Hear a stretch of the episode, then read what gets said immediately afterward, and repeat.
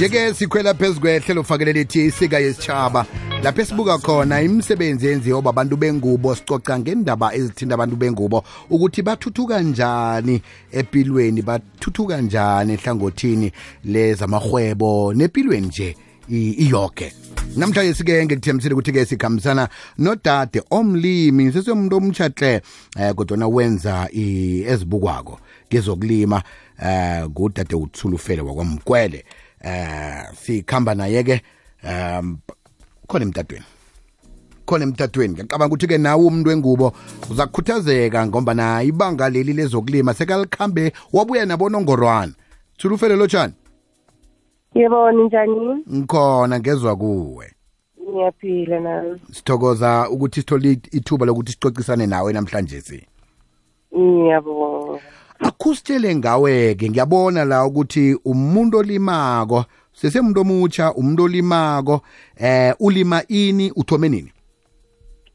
Omi ngicela ukucela ngibulisa abalaleli eh mina ngicele ukulima ngo-2020 mhm. Eh after i-covid. Vele indaba leyo kulima bekuyinto ekhona ekhaya namjana uthoma into etsho ongayaziko nawe? Eh umkhulu mekayi-commercial farmer before azolala mekayi-commercial farmer kamlimi so ngayibona kuye. Na ukhuluma ngendaba ye-commercial farmer ukhuluma ngomlimi lo othi nakalimileko athathe into azilimileko azithengisela iintolo? Eh eh injalo injalo. Alo wena-ke ulima ini? Eh mina ngilima ama- ama-veggie eh izinkukhu inkomo ne- nezimbuzi. yazi nasikhulako into le bekuyinto vele njengoba neselutshilo ukuthi eh nguba mkhulu bekenza into ezi besazi vele ukuthi babantu abakhulu iye nabogogo bebakhona basiza amachegu la ukuthi-ke kube nokudla. Nje-ke eh, into zithuthukile kune-technology sesahlale ngedorobheni wena yini into yokwenza ukuthi i angihlale eplasini ebevele eh ngikhuliswele kilo ngibona kwenziwa into ezibukwako ehlangothini lezokulima. Yinto ekukhuthazileko ukuthi uthi angiye edrobheni mina ngilungile la ngikhona eh izinto izinto sezitshentshile manje akusafani nakuqala. Mm. vele ekuqaleni besinalento leyo ukuthi vele ukulima kwabantu abadala eh abantu bahlala bangcolile ini akusenjalo nje. Okay vele kungene thina abantu abatsha silima sifaka amazipho mara makusetshenzwa siyawakhohlwa amazipho vele nje kuyasetshenzwa kuhlala sibahle mara ukudla kwamele kudliwe eh kwamele kudliwe mm. so nathi sicontribute vele entweni leyo ukuthi kube nokudla la kithi e-south africa kungatholi ukuthi njalo izinto zibuya ngaphandle Mm, nathi mm. sizenzele kwethu khona la khona la ekhaya right silufele ngiba ungibambele njalo sikhambe siyokuthengisa. Nasibuyako u- ngiba ukuthi ungicocele ukuthi sowukhambe kangangani endimeni le yezokulima ukuthi se- sekuyini eh o- okutholileko eh lapho kuhambe khona indawo ozikhambileko iy'ntifiketi nayikhibe zikhona abonongorwana nayikhibe bakhona eh ngemva kokuthi sithengisile ngitsho. Okay ngona sisisho semini siphakelwa nguking b sidishile kukwekwezi fm uyachisa emsamo kumakhaza emnyango. Osemsamo limphosa emnyango. Mdlalo womoya olilungelunge otshisako kukwekwezi fm uhlala isukile. Kuhlala kunesifundo. Kuhlala kunethando nethabo. Nalimthathako osemsamo limbeke emnyango nosemnyango liyamthatha limbeke emsamo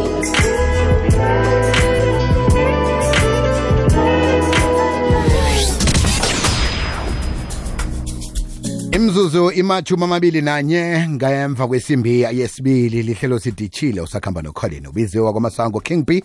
King biziwe kanti-ke sikhamba phezu kwehlelo fakelo elithi isika yesitshaba sibuka imisebenzi emihle yenziwa babantu bengubo esewula afrika. Sikhambisana nodade uthulufelo wakwamkwele. Eh uthi ngokuhlala kuphi nendawo dadabo ngihlala ekangala. Wo neplasi ngapho? Eh neplasi ngaphi kangala akusicocele ukuthi sowukhambe kangangani uthuthuke kangangani ehlangothini lezokulima?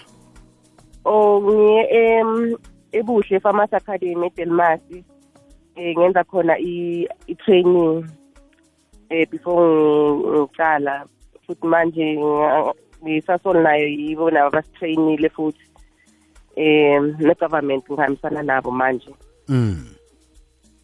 Njeke uthe eh uwenza i-commercial farming ngengikuphi esikudlako esikuthenga entolo ekubuya ezandleni zakho? Ilethisi spring onion i-red cabbage nama-green pepper. Ngombana um ninama-category nemkhakha ngemkhakha eyahlukahlukeneko. Kuba yini nina nikhethe imikhakha efana naleyo? Ngombana omunye uthi awa mina ngispecializa ngezambane. Awa mina ngiqala itamati. Kuba yini wena ukhethe umkhakha lo?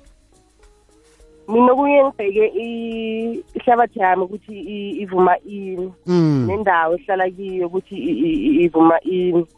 And nalezi zinto engi- engizitshelayo zinomsoco nazo futhi vele ziyakha umzimba futhi. Mm. Um njeke kune Bese futhi i-red cabbage ama-farmers amaningi bayayisaba. So siba bancane kiyo futhi i-competition ayikho eh iningi kangako. Mm. um manje-ke kunendledlana thize eniyenzako ukuthi mhlambe nabanye abalingana nawe nje babe nekareko ubaphe ilukuluku netshisakalo ukuthi bakulandele babonele kuwe ngobana wena uyibonile uyiphambili indlela wabona ukuthi kuyaphileka nge-farming. Kukhona mhlawumbe indledlana thize oyenza ukuthi ubize nabanye? Eh mina ngithi eh la siyashoda especially thina abantu be- besifazane ku-farming. Sicacela ukuthi kube khona abantu abasijoyinayo kakhulu. La kuyaphileka.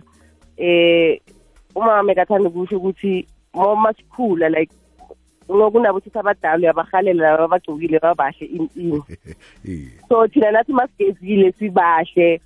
Siye emasimini nathi sifuna ukuthi le ntsha abantwana abancane abahlandele emuva nabo basihalela babone ukuthi vele lapha kuyaphileka lapha kunempilo vele. Mm, mm. um alo u- u- nawukhuluma ngendaba kagovernment urhulumente unisiza ngani? Ngamatrakela namtshana unisiza ngani ngen- ngen- ngentoro? Okwanje eh yibo basiza ngama ama-seedlings imbewu ama-fertilizer eh nama-chemicals. Mm.